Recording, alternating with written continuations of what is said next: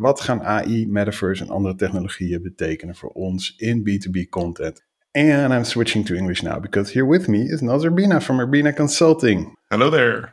Noz is a specialist in what I tend to call the other content strategy, the type of content strategy that can and will, but doesn't necessarily has anything to do with marketing. And he does customer journey mapping, adaptive content modeling, personalization, user experience in omnichannel environments, and he also authored the book Content Strategy Connecting the Dots Between Business Brands and Benefits.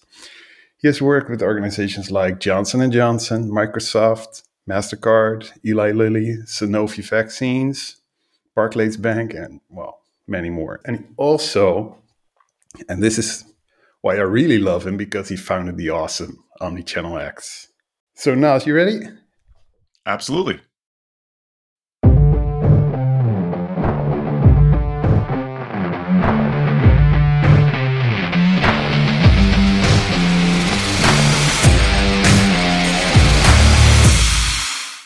So okay, so so on with the fun stuff. You're a bit of a futurist. I, I did not put that into in the intro, but but it's part of the reason you're here because um, you know there's this thing we have been talking about.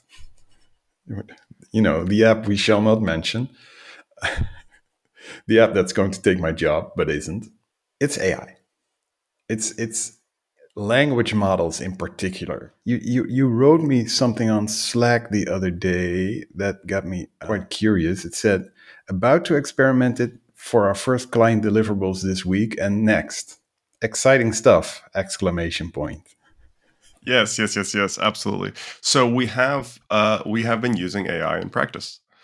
It's like you remember that old game with the with the pennies on the on the chessboard you know you put one penny on the first square two pennies on the next square and you don't have many very many pennies for quite a while and then suddenly you have more pennies than there are grains of sand in the universe.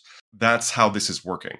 This is why we've kind of had nothing interesting really happening for decades and then in the past months the world has has exploded. So the fastest growing app of all time 100 million active users in, in 60 days that's never been done, even remotely. And that was GPT 3, were and five weeks later, we had GPT 4.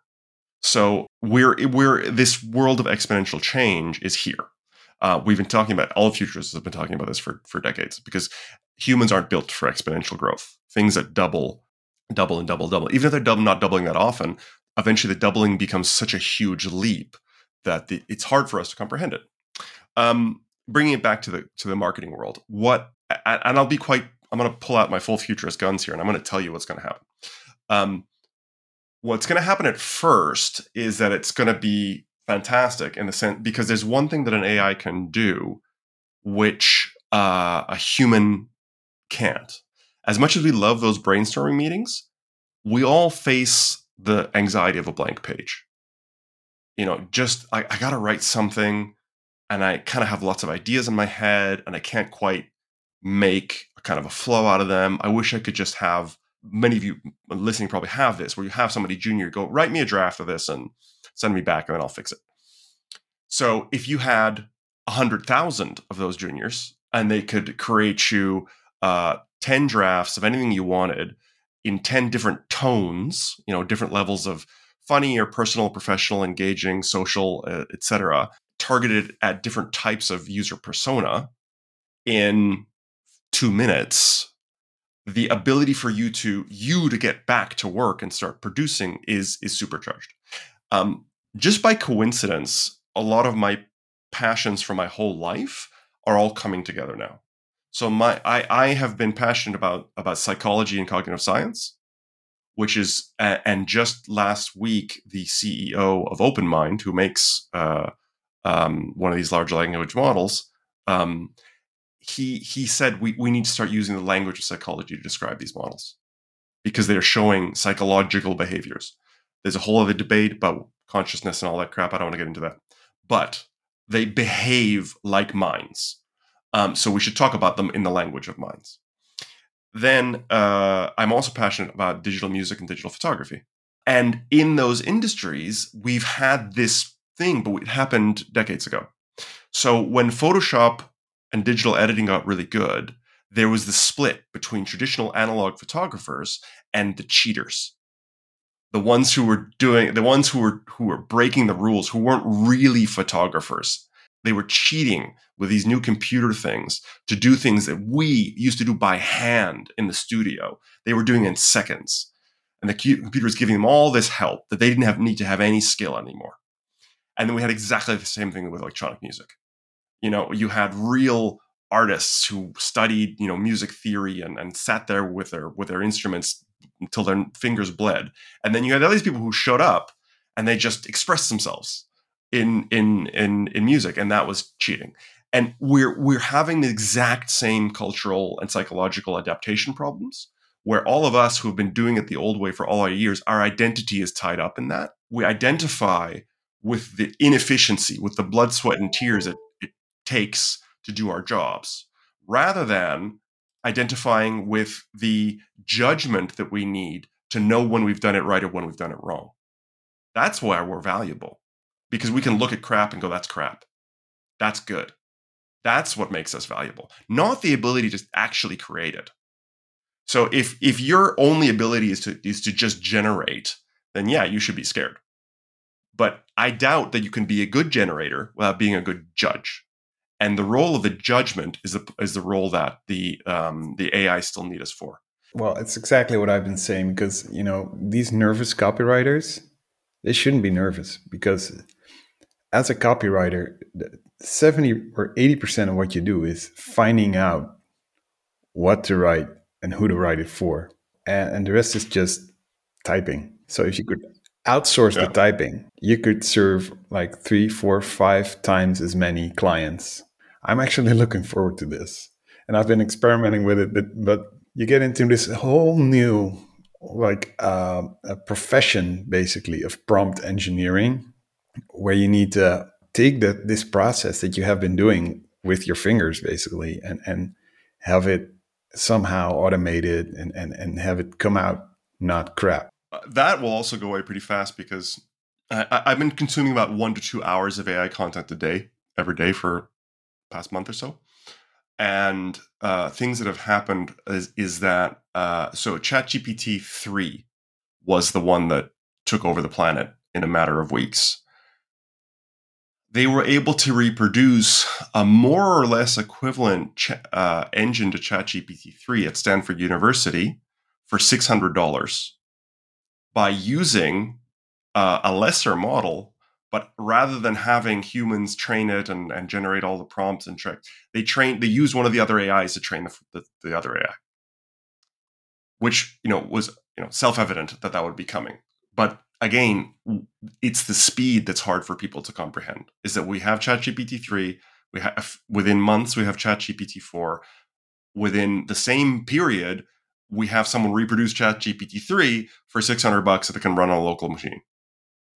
So the the prompt engineering thing, I think that market's going to go away too pretty fast because right we like Alexa right now. If you if you're using Alexa, you kind of have to learn Alexa, your grammar and your the way you speak to it and exactly what you did I did I call it main bedroom? Did I call it bedroom? Did I call it the bedroom? So you have to have to learn how Alexa speaks. And right now we have to learn how to write prompts. That's going to go away very quickly. I'm not worried about prompt engineering. Um, what is really uh, what is kind of really exciting is is this first of all the ability to flip tones like think about how long it takes you to change the tone of a piece all the little subtle word changes that just takes ages and it's not really that you know you want the piece at the end but it's really grunt work it's really painful kind of uh, you know somebody goes make it a little you know, make it a little lighter. And you go jesus christ. You have to go through all this kind of looking at each sentence going how do i make this a bit lighter? Whereas a computer can take your piece and change the tone in any direction you want in seconds. And it's that kind of thing where we're going to get these huge leaps it, forward. it also takes over the, the whole you know discussion and the seven workshops you do just finding out what the tone should be because you go online, you find five or six pieces that you like the tone of, you mm-hmm. just you know steal them from the competition and you run them through. This yeah. is how I've been using Jasper for almost a year. Oh, yeah. Just analyze tone of voice, and then use what Jasper spit out for tone of voice in your in your prompts.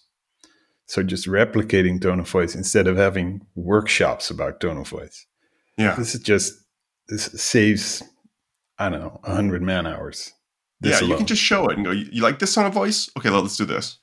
Yeah, sure. Just and and then Jasper will say, "Well, you're you're uh, authoritative and slightly cocky." Okay, if that's what I am, that's what I am. You know, whatever. Okay. slightly Yeah, cocky. so, so what what we used it for also uh, was quite interesting, which was there's a lot of um, we, we were looking at brochureware for a client, and uh, the brochures it was for a pretty you know it's a B two B product, so they were kind of very featurey. You know, it has this, it does this, it does this, it does this, and you it, first of all, it kind of jumped straight in. There was no, it, it, like you had to read for a while, and you go, oh, here's here's what you're the real benefit you're trying to get at. And so what we were able to do is is you know that that really nice first paragraph that sets the sets the tone and the ex, sets the expectation for the piece. I won't use the word tone because we're just using it a different way. Um, sets the expectation for the piece. This is what I'm going to read about. This is why it's interesting, et cetera, et cetera, et cetera. That that paragraph takes longer than the rest of the bloody brochure. So we just fed the brochure in and said, summarize this, and boom, it gives us that paragraph, and it's beautiful. You know, it may might need a couple of word changes, but the summarizing is is really time consuming and so to get that really nice first paragraph at each at the top of the piece and at each major section wow that's really jumping in and and, and relieving us of a, of, a, of, a, of a pain which needed a lot of intellectual um, Yeah. sweat Absolutely. And the the funny thing is, the more I talk to to people about this stuff, uh, the more I learn because you were saying, uh, I don't know, something a few minutes ago, and it made me think. Something I do a lot of is making variations of content. For example, I work with IT companies and they will be marketing to marketing directors, they will be marketing to HR managers and operational managers, whatever and the product will be the same. Four out of the seven pain points will be the same, but you will be adding three different, you know, questions or pain points per uh, persona. And I charge, you know, money to make these variations. But these algorithms being so good at, well, not writing, but also reading and interpreting stuff, they could just be your proofreader, I guess. So you could summarize a text from the role of HR manager. And then you would get your three different intros for your piece. Yeah exactly I'm just brainstorming here. This is just no, no, no, something just- exactly, exactly, exactly. So um, that kind of thing where, where you see people saying like, "Tell me this story in uh, uh, in Jamaican patois." It can do just about any tone or any focus that you want, and that that yes, j- we can tell the facts and we can use our default voice, but to nail other voices and to to think about it from other perspectives, that does still create you know that still is work. That's still mental effort. And that and that the fact that that's automatable is really game changing. And the and i think a lot of people don't realize until they've sat down and d- done it a lot of them are thinking that this is like a it's like a it's like a google. Like you ask it a question it gives you a response. Um it's not. It's like a conversation. So it writes you a paragraph or 10 paragraphs and you go uh, a bit more concise, please, and it will rewrite the whole ten paragraphs. It's a, and it's a and it's a, so. For example, my marketers, when I first told her to use it, she was using it like like Google. I put in my stuff, I get my answer, and then I have to manually work it. She didn't realize she could keep saying shorter, longer, more professional, more more uplifting, la la la, and um, the fact that you can uh, use this bouncing uh, this wall to bounce your ideas off of until you jump on something. Um, and I can tell you, I don't know how interesting it is for this audience, but that's exactly the kind of functionality we've had in electronic music in music production for years. You can sit down and say, "All right, uh, I like this guitar, and I would like to do something. Just try something. Try something in this kind of basic rhythm." And it tries something. You go, "No, try again. No, try again. Ah, okay. Now I'm going to twiddle that." And so that back and forth process with a machine, and it works the same way because it's not it's not random. It's not randomly generating something. It's not just algorithmically generating something. It's using a combination where it's taken the the knowledge of, of hundreds or, or, or thousands of musicians and it's condensed it into this little engine, which you then have a conversation with. And so we have like an we have like an emotional problem with that, with doing it with a machine. But if you inv- if you contracted in a writer to help you out because you had a lot of work, you would have no problem bouncing stuff off of them, or ten, or inviting in a consultant who has more experience than you and getting them to give you feedback. We have no problem with that. But if they put their knowledge in a box and you can talk through the box, then we feel like we're cheating. We just have to get around that. Okay, so so you're the futurist. I have a terrible track record uh, predicting anything. So I'm going to ask you fast forward five years. Five years is an eternity. What, what does content marketing look like? Because in my mind, we still have potential customers with questions. We still have companies that have products, propositions, services, you know, aimed at resolving some of those challenges. And the, the stuff in between is still the story we have to tell. I don't think that will ever change. But I have a feeling everything else is about to change. Okay, so I was telling you quite confidently this is what's going to happen. So we're gonna we're gonna get over this uh, this this silliness about cheating, and we're gonna we're all gonna sit down. We're all gonna become Photoshop users of the word. Um, and once we all start digitally uh, photoshopping our words, we'll go, oh, wow, I can be way more productive this way. And I can get great work and nobody knows the difference. Uh, then we will go to where electronic musicians, musicians are, which is I'm sitting here and I have like a NASA, NASA space station level worth of power in front of me. And I'm almost kind of hit by the blank page syndrome again. I have so much power. Like, which direction do I take all these amazing tools? uh, in, and that that will be that will be a struggle. So, uh, but the answer to that is what you've just raised. So, what, what's going to happen in five years? We're going to have a lot of people who, and I just saw a video on this, who are using these tools to create. I, I can't even say this word. I hate it so much. SEO content. Content that's just supposed to attract search engines. I it, literally my my neck starts to hurt when I think about people doing this. So they're using ChatGPT to generate uh, content that will attract search engine that will attract people to their sites. Yes, the tutorial was actually quite good in terms of getting it to write something which is more unique to their brand. But if we're talking about the, the, the audiences, they will start to filter between the brands who reliably have done the part that you said was important a little while ago the 80% of who am I talking to? What do they really need to answers to? And how do I match up the right answers with the right people at the right time on the right channel? That work, which is we never defined omni-channel, but omni-channel is the is the audience-centric strategy that says, regardless of channel or format, what experience am I trying to develop, and how do I build up using all my channels a strategy that's going to deliver that experience? So it's an audience centric approach that says, I'm trying to help a person along their journey. If I help them on their journey, they're going to give me money later. So the people who can do that really understand customers and put out the content using those, the, the you know, the photoshops of the word, um, to give them value added stuff, not stuff that attracts search engines, not volume for God's sakes, but um, quality and quality defined as this helps me move my needle forward and what I'm trying to accomplish. Those people who can match the message to the user objective, they will be quickly, quickly rewarded. And those who are seen to be generating volumes, uh, like sheer piles of stuff, because now they can uh, to attract bots, they they will have they will have medium success at the beginning, and then they will burn themselves in the long term.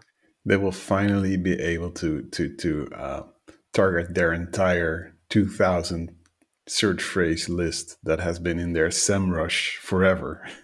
to generate all the stuff. And, and they email the these spreadsheets to me and I go like, okay, pick ten. and now they can do all 1500 of them exactly exactly exactly exactly so um, the, the, other side of this is that consumers will also be using these tools rather than reading your stuff the number of consumers who are using these tools to summarize your stuff will also go up. So there's an interesting point where, in the same way that Google has kind of stuck itself in and said, okay, well, you don't you don't have to look at the websites anymore. Just stay on Google.com, and the content will all be there. Um, these chat engines have have an ability to be an intermediary that stops us getting the actual clicks. So that's going to be an interesting battle. Um, in this, and it hasn't quite been resolved for Google yet, and I don't know how quite. I'm not quite sure how it's going to be resolved for ChatGPT either. But but volume is an issue here, and I think in two ways. Because one, what you said is uh, it's it's it's very tempting to you know just generate five blog posts a day because you have this power. So you're going to be uh, repelling readers by just offering too much. This is a risk. Uh, but the other thing is, I think it's a positive thing. I, I have lots of clients that have a, a, quite a good, you know, idea of what the questions are from their, you know, respective personas. But they have three to five personas. They have uh, like 10 to 15, you know, important client questions or challenges per persona. So that's like 50 pieces of content. And they have a two person marketing team and they have me so there's there's going to be a lot less. You know, we're answering this, but we're not answering that. So it's it's going to be a, a lot more uh, about who knows their client best, because you will have the power. If you have the list of questions, you will have the power to answer them all, and not within two years, but you know this month. And uh, and I would say, and I'm not. This isn't just to pump up myself, but and I would say if you have properly thought about how all the ways that you engage come together. So rather than saying um, I can put out 20 blog posts and I can put out 50 social media pieces and I can put out uh, whatever white papers, you go okay. Well, how does the social media tie to the blog post relate to the webinar, relate to the white paper, relate to the podcast? How does my omni-channel uh, experience play out? And are these coming together in value added ways? Have I thought about how the sum total of my content adds value, or, or am I just thinking about each of these things in isolation? This is where a lot of companies fall down, is that they have awesome blog, great, but how does that tie into the rest of the picture? Cool. And also, why do podcasts not have a summarize this for me button yet? Yes, yes. Well, there's Seriously? there's vi- there, video ones do now. So there's ChatGPT, ChatGPT plugins where you can click on a YouTube video of a podcast and say summarize this for me. We need this.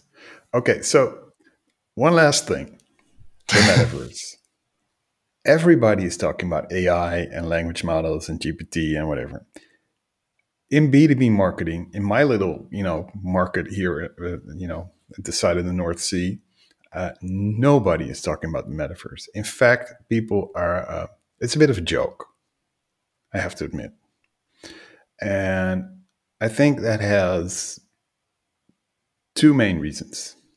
The first is Meta, the company, which has sort of, you know, become a bit of a joke among marketers, uh, especially in B2B. And we tend to avoid Facebook and everything that has anything to do with it. Two is uh, our imaginations are just stumped. I, I, I, I have no idea what to do with the metaverse as a B2B marketer. Seriously. So can you, so, okay, can you just... Yep, yep, yep, yep. I'll give you a quick quick introduction and getting started guide. So let me summarize this for you. I'll just so what do we mean by this button here? Yeah. Exactly. Summarize. so um, so the first of all, misconceptions. Meta trying to do a land grab with the name is irrelevant. Um, there's a, there was a company called America Online or AOL in the US. I don't know if you're if it's famous and got famous in the Netherlands. Yeah, people know that name. So America Online yeah, that collapsed. That collapsed into the dirt. America still goes online. like it's just it doesn't matter at all. It's okay. so irrelevant that they've tried to do a, a land grab with a name. Um, and they've tried to do a land grab by doing some acquisitions. Good for them. That's what everybody, like, what all big companies do. Um, they try to get the new thing and they try to own it. They will not own it. They cannot own it. Um, people kind of talk about metaverse, creating this kind of environment where you never leave Facebook. And I'm like, Facebook doesn't sell anything. Facebook sells ads. You have to be able to leave. That's their business model. If you can't go to the places to buy the things, then there's no business model. So it's, a- it's absolutely just so much distraction and noise around what Meta has been doing. So put Meta aside.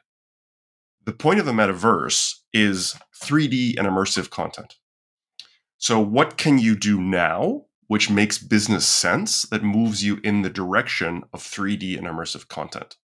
So, Google has already said that if you put 3D models of your products, of information, of, of uh, any kind of 3D, you can do it in the browser today. If you if you look for, um, I believe, oh, what it's called, it's the New York Times data visualization or the New York Times immersive. I can't remember what the keywords are. I'm sorry. I'll try to get them to you after the show.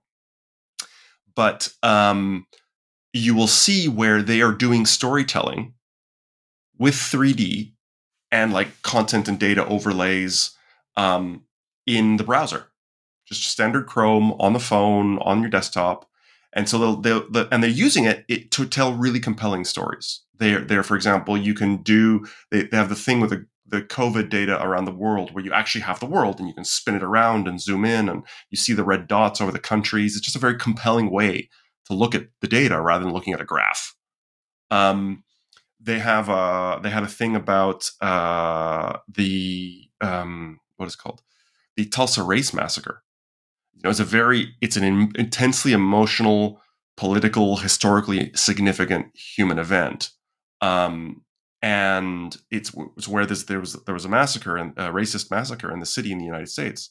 And rather than just describe it to you in words, you you start with words and pictures, but then you do a flyover, and they've they've turned the scroll bar into your accelerator on on a monorail, and so you can you can fly over the city and as you're flying over buildings light up and you say this person worked here and then this happened to them and this happened on this date.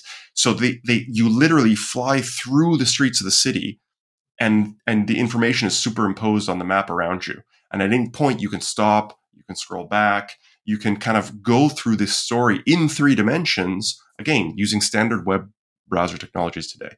So if you start storytelling using 3D assets and thinking, how could we use spatial thinking to tell our story in a more compelling way? How could we break down how our product works, explain a process, explain how this drug metabolizes through the body, explain how this fluid moves through this engine? How could we use 3D um, to, to better and more and more engagingly tell our stories today in the browser? You'll be creating skills and assets and pipelines in your team, which will then be metaverse ready. Because resaving those assets out and putting them into an actual, let's say, um, app where you can point things around with your phone or uh, and look, you know, in augmented reality or the headsets or full virtual reality. These this is kind of stepping stones up to the full kind of metaverse Im- immersive virtual world. But the assets can be used in any of the other less immersive uh, environments. And even if if it's ten years before the full VR thing becomes mainstreamed, um, you will be able to experiment, build the skills, see what engages your customers, and create better web content today. So many questions. Um, first of all, because I, I literally because this this just doesn't you know it doesn't come up the world mm-hmm. I inhabit, this doesn't come up. Nobody uh, is working on this. Let me talk. Let me. So, okay. So first, because they're thinking about it as this thing. It's this yes or no. Do we metaverse or do we not? That's the misconception. Do we do we metaverse because we don't, but we don't do meta? Misconception. Um, there are no intermediary steps that are valuable that are in the metaverse direction. Misconception. So there's so many misconceptions that they, people don't even bother to think about it. I lived through B2B laughing at social media in general Absolutely. for years longer than they should have. Years and years and years. Like it was so badly executed, so slowly, so haphazard. There's one guy in the marketing department who thought who kind of saw it and opened a Twitter account, and you know it was such a disaster. B2B's adoption of social media was such a joke because of exactly the same kind of thinking. I will Exactly go back kind of a few more years and I will tell you when I first started freelancing in 3 Mhm. you know the the most asked question was from companies do we need a website or can we do without In 03, you know wow, we were in different circles. this is b2b for you Wow. No, no, I was in need a B2B, but? I was I was in B2B like like like brain scanners and microchips and like they needed websites. it wasn't there was no question about that. There was no question about that. Uh, you- there was You know, when you uh, look yeah. at consulting, of course, when you if you were an IT company, you had a website because you had to prove to people that you could build one. So, it was more I like a, remember, I remember in the opening in the opening talk on the first OmnichannelX conference, we had Lisa Welchman who worked on the the first uh, I believe it was Cisco. Yeah, it was Cisco.com. And they like they would bring down the web they would bring down the the global website and they were like, hee hee, the website's down. Oopsie. I forgot I put it I, I put in a wrong character. we'll put it back up tomorrow. Yeah, it was just like it was it was a joke. And this was yeah, it was around that period. So another question is, you have to. Uh, you say you have to start, you know, developing skills right now as a B two B company. What what be, be the primary focus? Because hiring is still hell. It's getting slightly better, but hiring is still hell. Who do we need to be hiring right now to to get this train moving?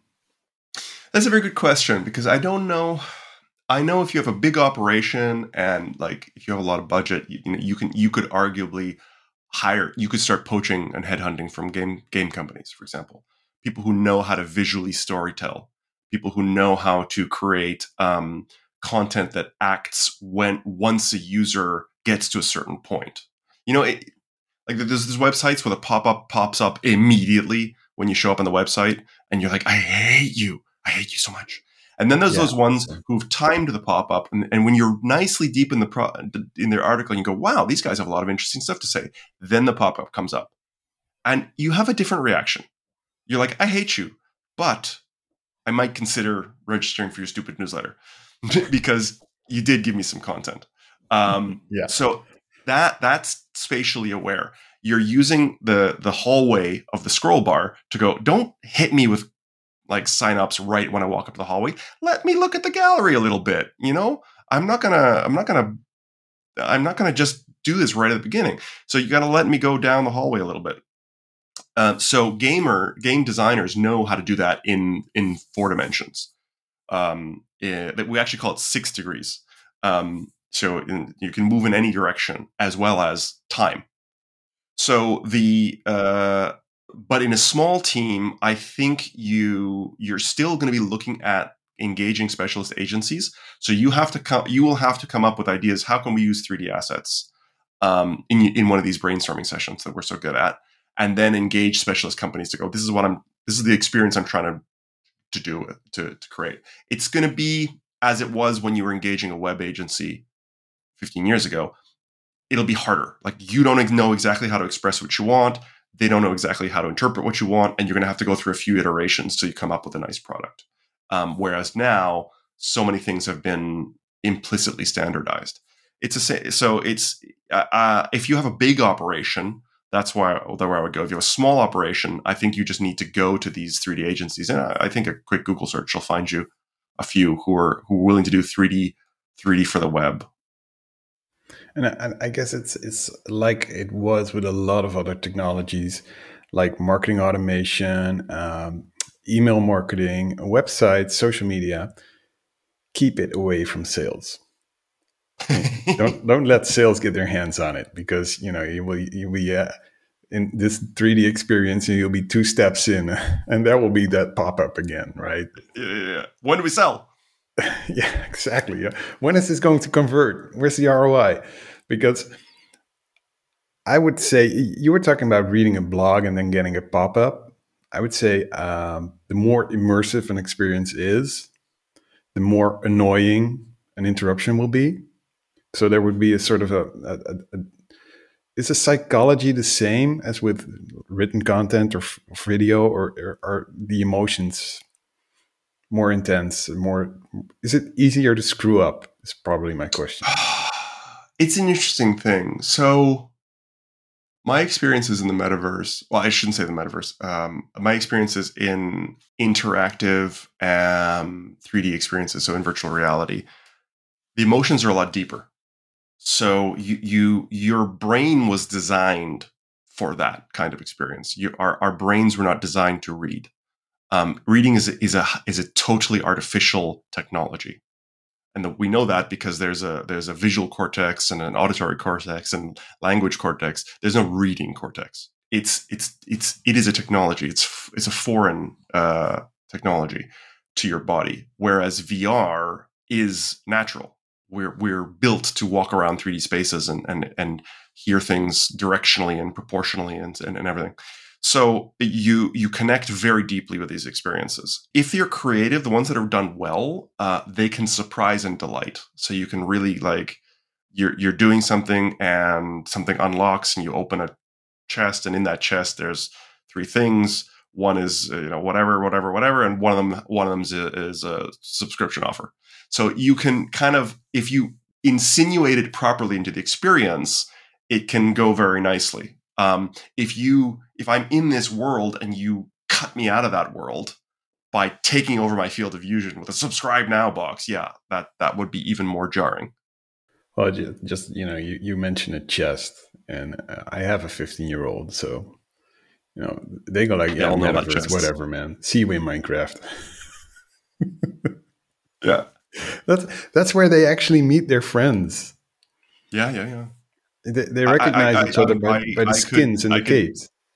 I could tell you, uh, I that, that was probably take me ten minutes, but my first experiences going into virtual reality and meeting people in virtual reality was some of the most emotional experiences I've ever had with a piece of technology. And and uh, well, the short, long, the short story is I was meeting people and I was like, wow, and I was connecting and I was talking to people and they were also new to it and we were chatting and some people were less new. They're showing us around, and I was like really like you know like a kid again, having all these experiences. And and then and, and the, this battery warning popped up, and I'm like, well, yeah, yeah, and I was and I kept going, and then suddenly it went, and it pulled me out of the matrix, and it all went black, and I took off my thing, and I was in my living room again, and I went, oh my god, I'm never going to see those people again, and I had met them like half an hour ago, but it was it was important. You know, I'm a I'm a 45 year old guy, but like it, it, freaked me out to be in mid conversation with somebody, getting to know somebody, and thinking, oh, am I going to add this person to my friends list? Like I'm considering whether I'm going to continue this relationship, and click, it's off. So that it was ex- extremely jarring. Um, yeah, you, the the these metaverse experiences they touch deep. It'll take a while before we're you know kids who grew up with them, it will not be as exciting. But I think, as you said, the bonds they make are as real so the, the message here is, I, think if you're a B2B marketer, already we're seeing like 80% of our sales I'm, I'm not saying funnel uh, uh, our sales journey our sales process or whatever is going on online. And most of that is going on without people actually talking to a salesperson or a marketer or, or a consultant or whatever. Most of that is just people interacting with our stuff. Content content exactly. So these interactions are going to become increasingly emotional. Uh, these these connections you're going to be making are increasingly deep. Uh, so the the content you create is going to be increasingly important for your brand but also for the people you're talking to. And i'm, I'm emphasizing people here because with written content, you mentioned, mentioned SEO content, you know, which, which is basically written for bots. We still tend to forget that we're making content for people. Yeah, honestly, I feel sad we even have to say it. yeah, but we do. yeah, do absolutely. Um, so one of the things we're doing before we even do customer journey mapping is st- stakeholder ecosystem mapping. who are we talking about, and not uh, just us, them, hitting their persona questions. Who do they talk to? Who do they rely on for advice? Who do they go to within their company? Who is making a decision from a financial point of view versus an emotional point of view versus like whose job is on the line? Who's going to get fired if this goes wrong? Like all who do, what consultants are they going to consult about this purchase? So mapping out the stakeholder ecosystem and understanding how all the nodes connect before you start jumping into journey mapping, um, before you jump uh, into uh, top, task, top task analysis. Uh, well, that actually is part of top task analysis, but uh, figuring out um, the who's and the interconnections of these of these of these committees, as it were, these communities of people, um, and then understanding yeah, understanding their their their relationships, uh, and then figuring out how you are relevant. Um, I think that's the word we haven't mentioned for the whole podcast. I've got one of my consultants who's given me a quote, which I just think is the best. His name's Rob uh, Pincelli. Um, uh, he's actually from the Netherlands. And he says, You cannot buy relevance. You are relevant or you are not relevant. So, how can you figure out how you can become relevant? Actually adding value to these human beings. You can't throw money at the problem. You can't throw SEO at the problem. You can only figure out how to actually become relevant. Well, that's that's brings us to the end of this two-part podcast because we've been, I don't know what your schedule's like today, but we're just you know we've disrupted that. It's almost lunchtime right now, so yeah, it's all good. Uh, I'm going to switch back to Dutch. Oké, okay, dit was hem weer, de B2B Content Podcast. Uh, dit was deel 2 van een serie van 2 met Noz Urbina. Wil je dit nou nooit missen? Volg me dan op LinkedIn of abonneer je via mijn site op mijn wekelijkse mails. En dan krijg je ook nog iedere week gratis advies over B2B content marketing recht uit de praktijk. Uh, Nat, thank you so much for being here. My pleasure. Uh, iedereen die luisterde, dankjewel voor het luisteren en tot de volgende keer.